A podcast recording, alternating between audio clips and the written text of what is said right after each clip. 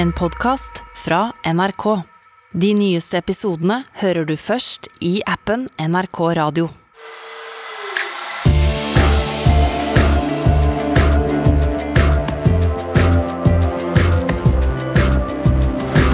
Ukraina invaderes nå fra flere hold av Russland, og i dag, torsdag 24. februar, meldes det at flere byer i Ukraina har blitt angrepet av russiske styrker. Det meldes også fra ukrainske myndigheter at flere er blitt drept. Så dette er en spesialepisode for oss i Nyhetsblanding. Jeg heter Ole Klevan. Jeg heter Rima Raker. Og jeg heter Fanny Odden. Eh, Det er en helt spesiell eh, dag. Eh, For det er altså sånn at Ukraina nå invaderes fra flere hold av Russland. Eh, Så vi pleier jo eh, å publisere episoder på fredager, eh, der vi går gjennom tre forskjellige nyhetssaker fra uken som har gått. Men denne uken er da ganske spesiell, så derfor publiserer vi denne episoden nå i dag, torsdag, for å forklare dere hva det er som skjer, hva som har skjedd, og gi dere litt oversikt eh, over situasjonen. Det har jo vært eh, veldig anspent nå i flere uker. Senest i går kveld så kom det jo meldinger eh, der USA hevdet at et angrep kunne komme ganske snart. Hva det betød, det er jo ofte litt sånn vanskelig å vite. Snakker man om timer? Snakker man om dager? Når kommer dette angrepet? Og så våknet vi i dag tidlig til meldinger om at et angrep nå er i gang. Ganske spesielt. Eh, vil også informere dere om at det da kommer en episode i morgen på fredag som vanlig. Ja. Da skal vi snakke litt mer om hva Putin tenker, og litt veien videre. Eh, også en litt hyggeligere nyhetssak, Fanny. Ja, det, blir, det er en litt helt annen type krise som foregår et helt annet sted, men som er litt morsommere, kan man si, da. Ja, eh, Denne episoden handler bare om å gi dere god oversikt over hva det er som har skjedd. Eh, og så skal vi utdype det enda mer i morgendagens eh, episode. Vi skal høre litt på hva som har skjedd i dag. Russland har gjennomført missilangrep mot infrastruktur og grensevakter. Nå hører vi at eh, det høres ut som eh, flyalarmen går, eller det går i hvert fall en slags alarm bak meg. Vi er litt usikre på hva det er. Ja, Det var jo da NRK, eh, vår egen eh, korrespondent Gro Holm, som er i Kiev i Ukraina. Eh, Og mens hun da eh, prater om situasjonen, så går flyalarmen i bakgrunnen. Eh, Det er ganske mye rundt denne situasjonen her som skjer så fort, eh, og det skjer så mye at vi kan jo ikke være helt eh, sikre på alt til enhver tid. Nei, og så er det jo det å jobbe i en krigssituasjon handler jo ikke bare om å eh, ta gode avgjørelser og sikre seg selv, men det handler også om hvordan man skal forholde seg til all den informasjonen som kommer. For sånn som det er nå, eh, så fremstår ting som veldig kaotisk, for at det kommer meldinger, eh, ulike meldinger fra de ulike partene, og da må man holde tunga rett i munnen. Sånn er det alltid i en krig, for det er jo også en informasjonskrig som foregår, det er propaganda. Eh, for eksempel så sier jo ukrainsk militære nå, de melder at luftforsvaret har skutt ned flere russiske fly og et helikopter øst i Ukraina. Men det benektes fra russisk side. Russerne sier at nei, det har ikke skjedd.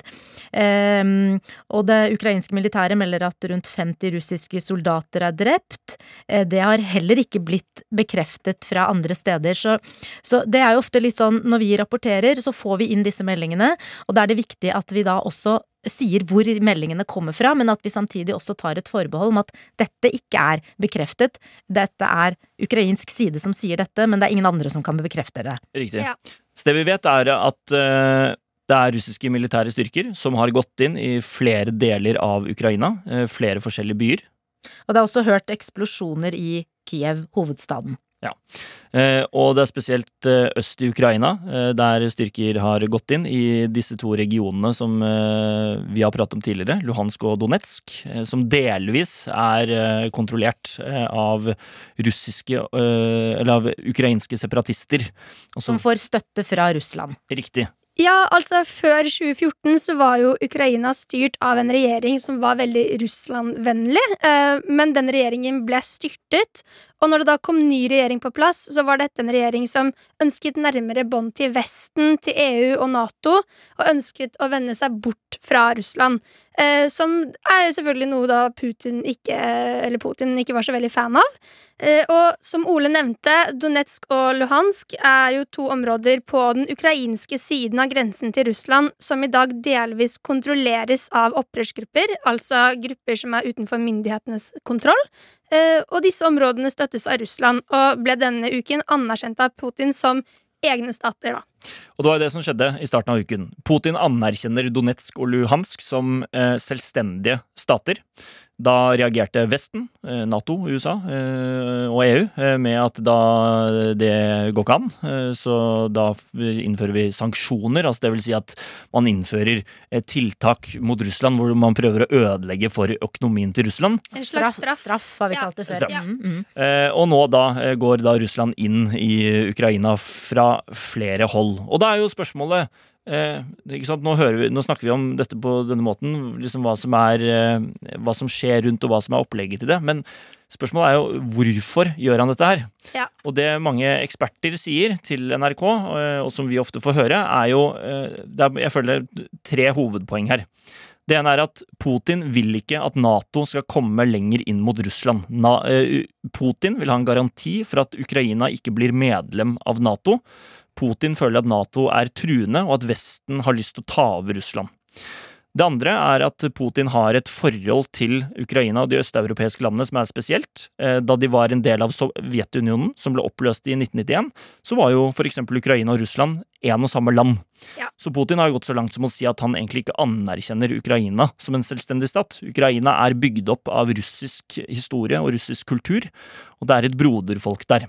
Han sa jo blant annet, han holdt jo en tale nå på mandag som var veldig eh, sterk, som veldig mange reagerte på også, fordi at de selv om, man, eh, selv om man på en måte har hørt Putin snakke før, så var det noe med måten han formulerte seg på, og måten han snakket om Ukraina på, at det var nærmest som han sa at Ukraina tilhører oss. Ikke sant? Det er jo en, det er vel en altså minoritet i Ukraina som er russere, men de er jo ikke så store i forhold til resten av Ukraina, på en måte. Men det er vel de han føler at er hans del, da. Ja, og det, ikke sant? Han sier jo det at han har i Donetsk og Luhansk, det er et broderfolk der. Og det sa han jo også i talen natt eh, til i dag, at eh, det har foregått et folkemord.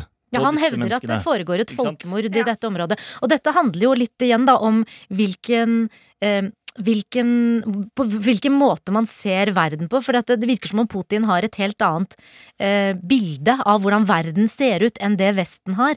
I hans hode så er Vesten ute etter å ta han, Vesten er ute etter å eh, ta Russland, eh, og at de truer ham, mens eh, og at alle disse småstatene, eller de tidligere sovjetstatene, tilhører egentlig Russland i hans hode. Og det er da eh, den tredje grunnen, eh, ikke sant. Ja. Dette med at han eh, prøver å legitimere eh, denne invasjonen fra flere hold, eh, med at eh, de russerne som du da nevnte, Fanny, at det blir begått folkemord på dem, og at de har bedt om hjelp fra Russland, og nå går de inn for å hjelpe dem, da. Sier, sier han. Putin. Sier Putin. Ja.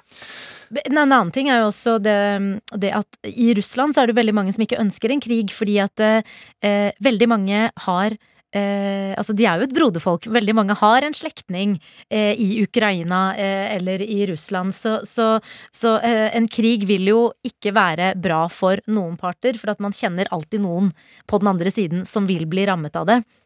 Ikke sant? Ja, ikke sant? Eh, og, det, eh, og, det, kan vi jo lede oss inn på kanskje et annet spørsmål jeg vet at mange lurer på, og som vi eh, også, Rima og Fanny, kjenner på selv, er jo at når vi våkner opp til dette i dag og ser at dette skjer, så tenker man automatisk hva skjer med Norge? Er dette farlig for oss her hjemme? ikke sant? Mm. Og vi har pratet med forskningsleder ved Stabsskolen, Forsvarets høgskole, eh, Tormod Heier, så rett og slett stilt han spørsmålet hvorvidt eh, dette er farlig for oss i Norge eller ikke den er uh, ikke farlig. Det ser veldig dramatisk ut, det som skjer nede i Ukraina. Men det er først og fremst en krig som bare er mellom Russland og Ukraina. Uh, og Russland har ingen interesser av å begynne å utvide den krigen til å berøre f.eks. andre Nato-land, og i hvert fall ikke Norge. Fordi Norge og Russland har så mange felles interesser oppe i uh, Barentshavet, med forvaltning av olje og gass og fisk og ressurser som gjør at begge landene har en egeninteresse, både Norge og Russland, i å holde en stabilitet og en lavspenning der oppe. Og Dette vet faktisk også amerikanerne, og det er nok en av grunnene til at amerikanerne, og heller ikke Norge, ønsker å fremprovosere noe unødige russiske motreaksjoner oppe i nordområdene. Og hvis vi ser på satellittbildene, så ser vi det at det, det er ingen store russiske troppansamlinger i, langs den norske grensen eller andre steder. De er utelukkende rundt det som eh, er viktigst for Russland akkurat nå, og det er Ukraina.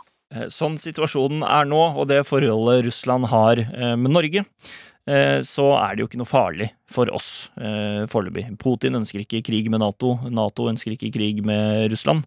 Så foreløpig er det heldigvis helt trygt for oss. Eh, Det er bare en eh, veldig eh, trist situasjon som skjer i, i Ukraina. Det er rolig i nordområdene, og man har godt samarbeid på fiske og redning og sånne ting der oppe. Eh, men for dere som eh, hører på her, eh, som vi Veldig koselig at dere hører på oss. Eh, nå er det veldig mye informasjon, og det er veldig mye greier som skjer, og det skjer veldig mange ting fort. Eh, så det er viktig at man tenker litt eh, over eh, hva slags informasjon man eh, stoler på, eh, og hvordan man eh, mottar dette. Eh, vi ser f.eks. på TikTok så er det flere ukrainere som legger ut videoer eh, på TikTok liksom live fra Ukraina, hva som skjer der. Eh, så vi anbefaler jo, for dere som er interessert og ønsker å holde dere oppdatert på dette her, eh, om å gå inn på nrk.no. Eh, vi to, Fanny, kommer til å jobbe sammen med vår redaksjon masse på Snapchat Ja. de neste dagene for å oppdatere dere på hva som skjer på NRK Nyheter på Snapchat. Mm. Rima, du skal jo ha Urix-sendinger. Jeg skal sikkert ha en episode tre som også handler om Ukraina. Denne uken så skulle vi egentlig ha en episode om cancel culture, men da vi kom på jobb mandag morgen, så tenkte jeg at nei, det går ikke denne uken, det må bli Ukraina. Men eh, det du sier om disse videoene som eh, sirkulerer, og all den informasjonen som sirkulerer på sosiale medier osv., eh, der jobber jo vi også journalister veldig aktivt med å verifisere eller dobbeltsjekke om de er ekte eller ikke, og det gjør vi ofte en ganske god vurdering på før vi publiserer det på våre nettsider. Mm. Så det er jo en veldig stor del av jobben vår nå under denne konflikten, er å dobbeltsjekke alt som er av fakta, videoer, for at denne eh, konflikten skal fremstå så faktabasert som mulig. Yes. Og det gjør vi i Nyhetsblanding også. Eh, og vi håper dere har blitt eh, litt eh, klokere på situasjonen av denne episoden. Så kommer vi tilbake i morgen med en ny episode. Da prater vi enda mer om det, men da skal vi også ha litt andre og hyggeligere nyheter også. Og så kan dere da selvfølgelig sende inn spørsmål til oss på nyhetsblanding at nrk.no, eller sende inn til NRK Nyheter på Snapchat hvis det er noe dere lurer på om denne situasjonen som vi skal snakke om her.